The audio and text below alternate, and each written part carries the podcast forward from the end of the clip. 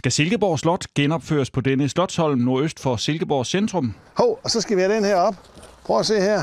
Ja, siger både den lokale byggematador René Birk og Jyske Banks Almennyttige Fond. De har derfor givet tilsavn om henholdsvis 5 og 10 millioner kroner til projektet. Vi har meget nyt her i byen. Vi har ikke rigtig nogen historiske bygninger. Og det her er en historisk bygning. Og vi så det jo i 2017, hvor vi genrejste det med stilaser og så videre, at der var en meget, meget stor interesse for det.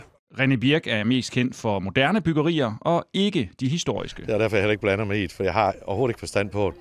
Men jeg blander mig i at det, jeg kalder understøtte en, en udvikling af en bycentrum, som jeg synes er utrolig vigtig.